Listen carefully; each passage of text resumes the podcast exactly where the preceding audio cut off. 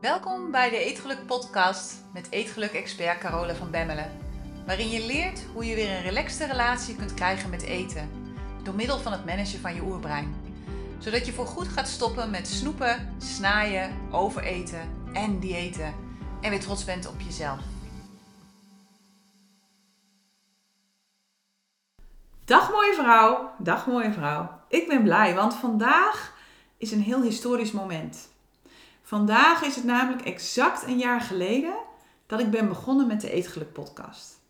En ik vond het bloedspannend. Maar ja, tegelijkertijd stond het ook al een paar jaar op mijn lijstje, want ik wilde heel graag een eigen podcast. Maar ja, net als iedereen heb ik ook natuurlijk een brein. En mijn brein vond het helemaal niks. Mijn brein was namelijk heel bang voor al het werk dat het maken en opnemen van een podcast met zich meebrengt. Ja, en dat heeft natuurlijk ook wel een beetje gelijk. Want ja, ik moet natuurlijk wel iedere week nieuwe afleveringen schrijven. Dat moet opgenomen worden. Dus dat was best wel een dingetje in mijn hoofd. Mijn hoofd vond het allemaal maar niet zo heel handig. Dus ik heb dat jaren voor me uitgeschoven. Maar goed, uiteindelijk dacht ik van ja, ik luister niet meer naar mijn hoofd. Ik ga maar gewoon beginnen. ik heb het nog nooit gedaan en ik denk dat het wel kan. Weet je wel, zoiets. En het is gelukt. het doel was 50.000 downloads in een jaar. Dat was het doel. En dat hebben we gewoon dik vet gehaald. Hè? Op dit moment staan we namelijk op maar liefst 65.000 downloads in één jaar. En dat schijnt echt heel veel te zijn. Ik weet het niet, maar volgens de kenners is dat een hele goede prestatie. Dus ik ben heel blij met jou als luisteraar, maar vooral ook met het feit dat je de podcast deelt met al die vrouwen die het ook zo goed kunnen gebruiken. Dus blijf dat vooral doen. Dank daarvoor en weet ook, het is zo hard nodig. Dus blijf vooral delen met iedereen waarvan jij denkt van hé, hey, die moet dit horen. Goed, in de aflevering van vandaag ga ik het hebben over iets heel bijzonders, namelijk over mijn persoonlijke reis van de afgelopen 15 jaar. En nu ik er zo op terugkijk, is het echt wel heel bizar hoe ja, eigenlijk alle stukjes bij elkaar beginnen te komen. Ik wil het daarom deze podcast met je hebben over ontsuikeren. En bij ontsuikeren denk je waarschijnlijk gelijk aan stoppen met suikers. Daar ben ik natuurlijk ook uh, beroemd mee geworden in Nederland met mijn suikervrij boeken. Maar dat is niet wat ik bedoel met ontsuikeren. Dat is echt maar een heel klein deel van het verhaal. Een belangrijk deel, maar een heel klein deel van het verhaal. Hè, ontsuikeren is voor mij een woord waarin ik alles wat ik doe in één klap omschrijf. En dat is begonnen bij mijn faillissement. En de periode waarin ik echt volledig teruggeworpen ben op mezelf.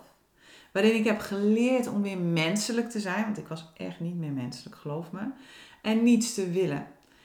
om mijn drang naar perfectie los te laten en om vertrouwen te krijgen weer in de goedheid van de wereld en de mensen om me heen.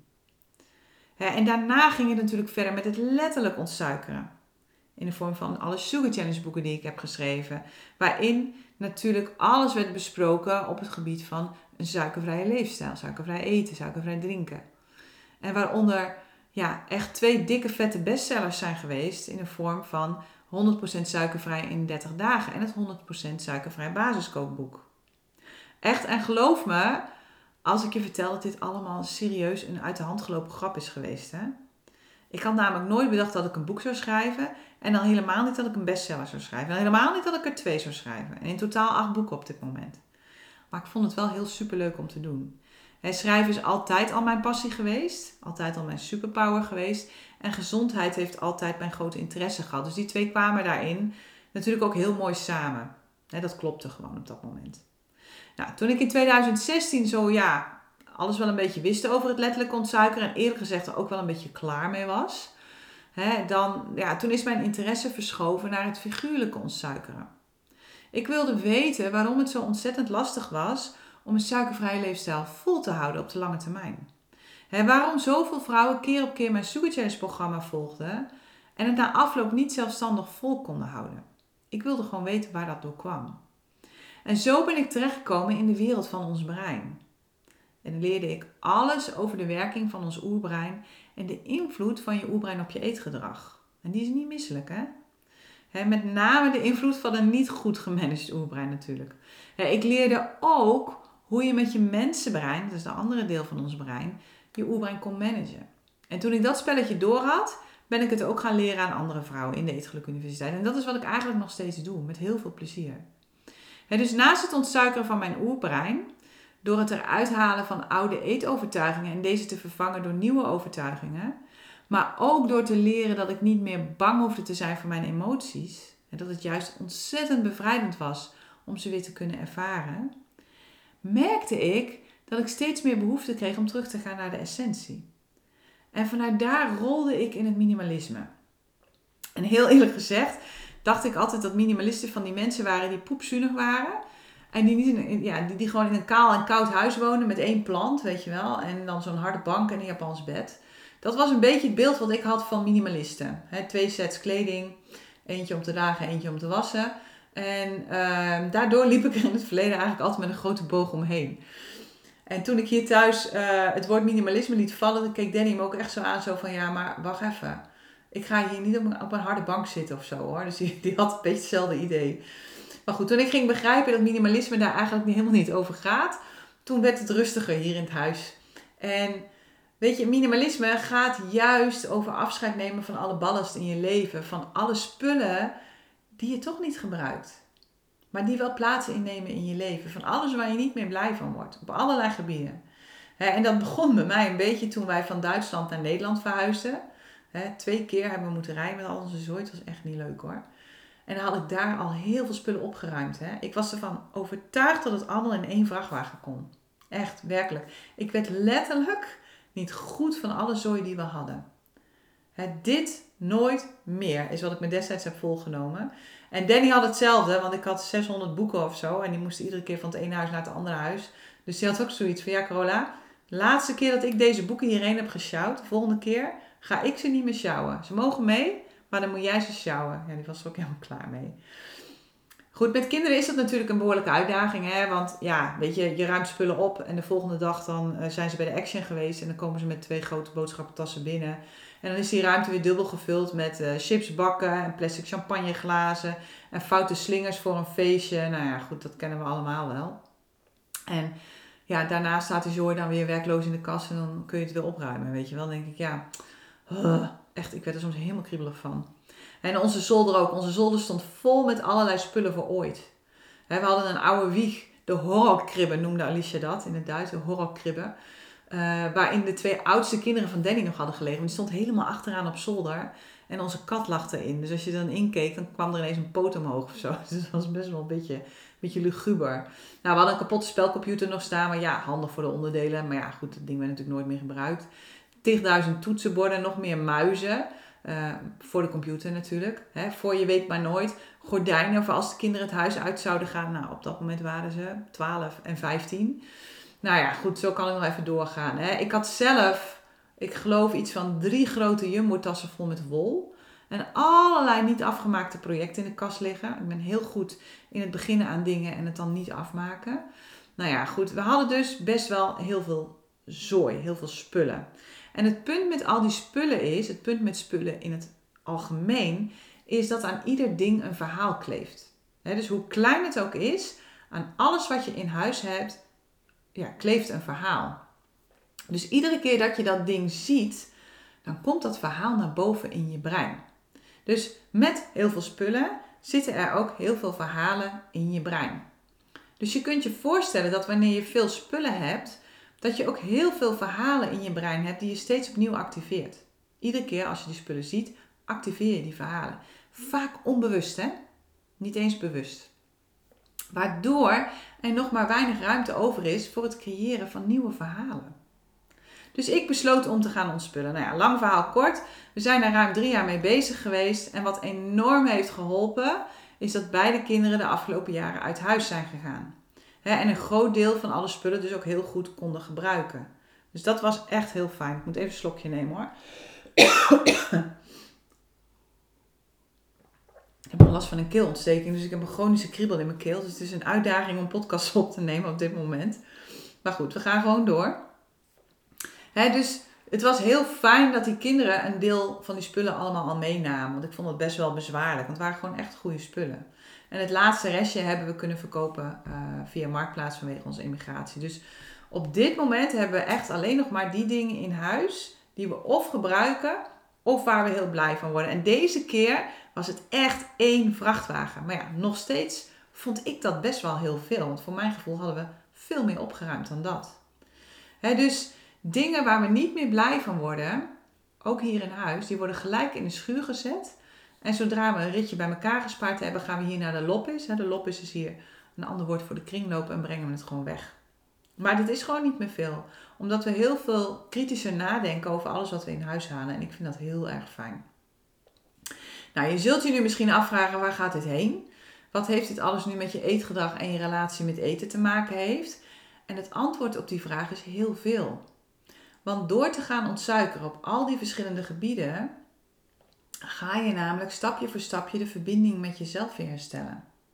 want jouw strijd met eten gaat niet over eten. Je gaat maar over één ding en dat is de relatie die je hebt met jezelf.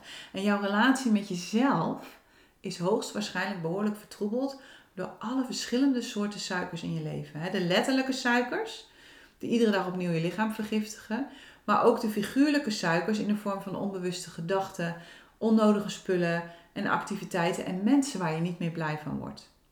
Dus waarschijnlijk heb je veel meer suiker in je leven dan je nu op dit moment denkt. En al deze suikers vertroebelen ieder voor zich de relatie die je hebt met jezelf. ze zorgen ervoor dat je denkt dat je eerst perfect moet zijn voordat je van jezelf kunt houden. Waardoor je steeds verder verwikkeld raakt in een eindeloze strijd met jezelf. Je oerbrein denkt dat je dit kunt oplossen met een volgend dieet of met een nieuwe jurk of met leuke dingen doen. Maar niets, niets, niets is minder waar. Wanneer je jouw strijd met eten en met jezelf wilt stoppen, wanneer je weer verliefd wilt worden op de vrouw die je altijd al hebt willen zijn, en waarvan je weet dat ze er is, dan zit er maar één ding op en dat is dat je zult moeten ontsuikeren. Op alle gebieden van je leven. Want alleen dan, alleen dan is het mogelijk om voor altijd te stoppen met snoepen, snaaien en overeten.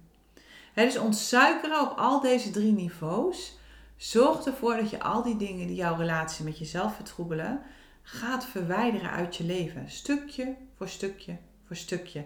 Waardoor je steeds beter gaat voelen wat goed voor je is en wat je echt nodig heeft. En dat heeft zijn weerslag op je eetgedrag. En wanneer je jouw lichaam gaat ontsuikeren, wanneer je je lichaam echt letterlijk gaat ontsuikeren, doordat je gaat stoppen, of in ieder geval fors gaat minderen met de suikers in je voeding en alle bewerkte producten die je eet, dan ruim je je lichaam op. Wanneer jouw brein gaat ontsuikeren, hè, door het te bevrijden van allerlei gedachten die je onbewust denkt en die je niet meer dienen, dan ruim je je brein op.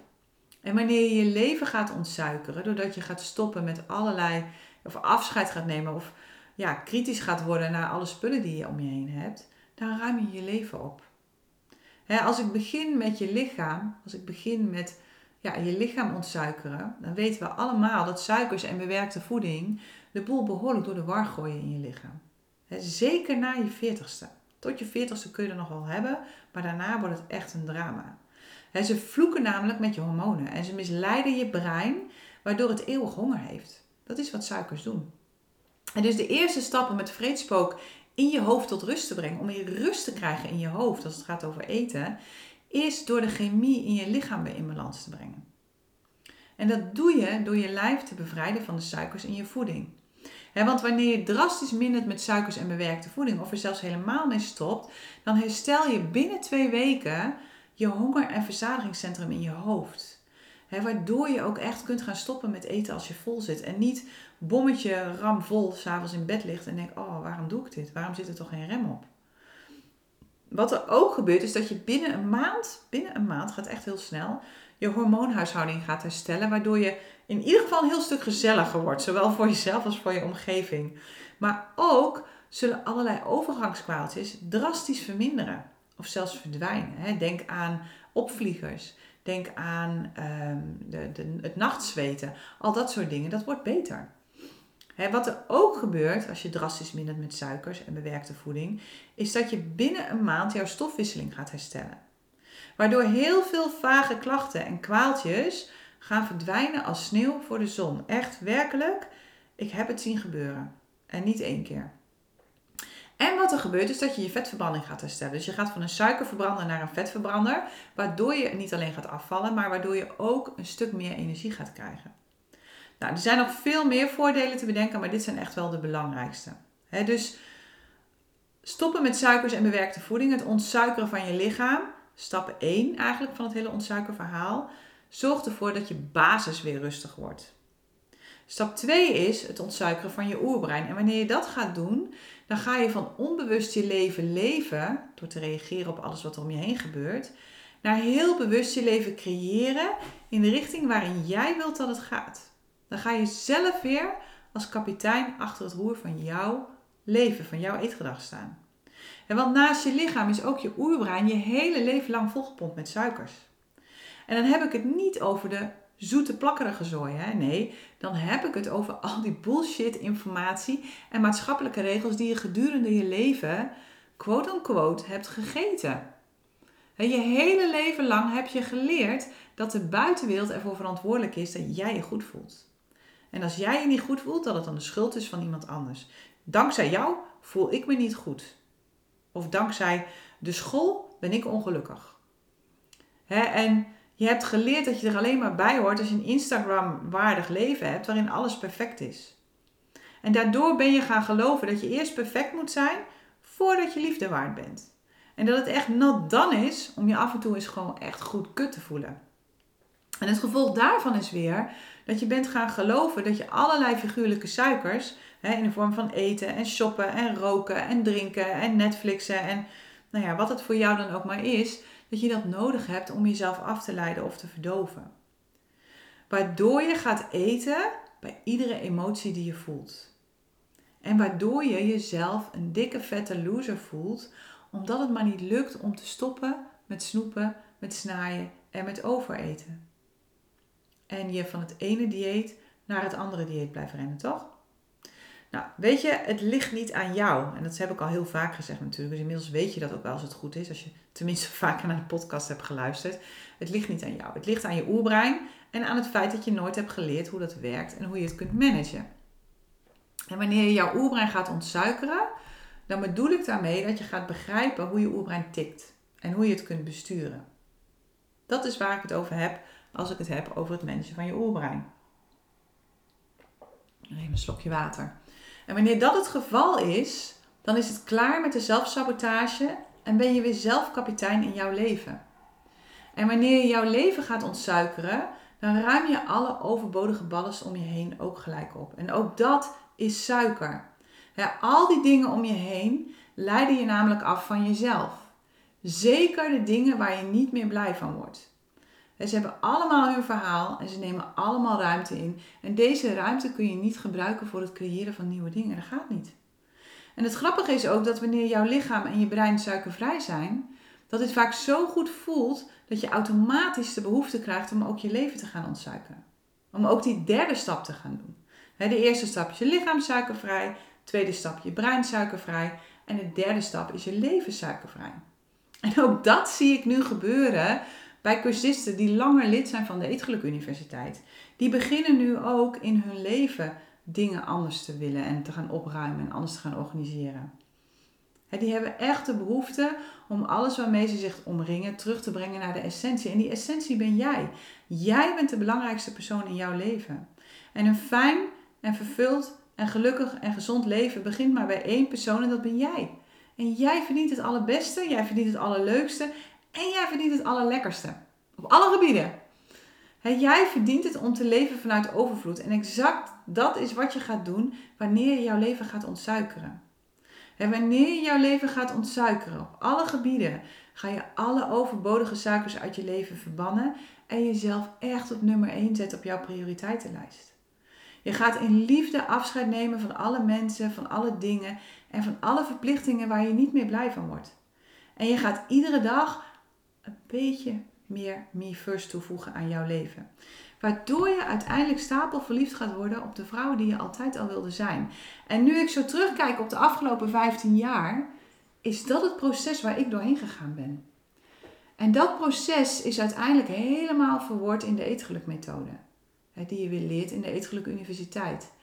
En dat is de methode die ik heb ontwikkeld om vrouwen te helpen om te transformeren van eeuwige diëten in een gelukkige eten. En hierin komt echt alles bij elkaar. De eerste suikervrije jaren, maar ook de eetpsychologie en een stukje minimalisme, oftewel het creëren van een overvloed mindset. Het klinkt heel tegenstrijdig. Minimalisme gaat over het creëren van een overvloed mindset, maar dat is wel wat het doet. En geloof me, die overvloed mindset die heb je nodig om blijvende resultaten te behalen. Die heb je nodig om nee te kunnen zeggen en om je grenzen te bewaken. Maar ook om jezelf de ruimte te geven voor het proces dat nodig is om je doel te behalen. dus ontsuikeren is veel en veel en veel meer dan alleen het laten staan van suikers en bewerkte voeding. Dat is absoluut wel de eerste stap van het proces. Je zult eerst balans in je lijf moeten herstellen voordat je verder kunt met het managen van je oerbrein. Zeker als het gaat over eten. Want hoe weet je nu of je echt honger hebt als je niet kunt vertrouwen op je honger- en verzadigingscentrum? Of als je hormonen allemaal van de rel zijn? Dat gaat gewoon niet. Dus dat moet gewoon eerst. En dan zul je misschien denken, ja, maar Corolla, je zegt stoppen met diëten. Maar suikervrij eten is toch een dieet? en het antwoord daarop is eigenlijk heel simpel. Suikervrij eten is geen dieet. Jouw brein maakt van suikervrij eten een dieet. Door gedachten erover te denken. Door de simpele gedachte te denken, dat is een dieet. Maar ook door er verwachtingen aan te koppelen. En doordat je het waarschijnlijk gaat doen vanuit de hoop om af te vallen. Doordat je denkt vanuit een schaarste mindset. Namelijk aan alles dat niet meer kan en niet meer mag. Waardoor je er het volgende strafkamp van maakt voor jezelf. En ook doordat je alles perfect wil doen.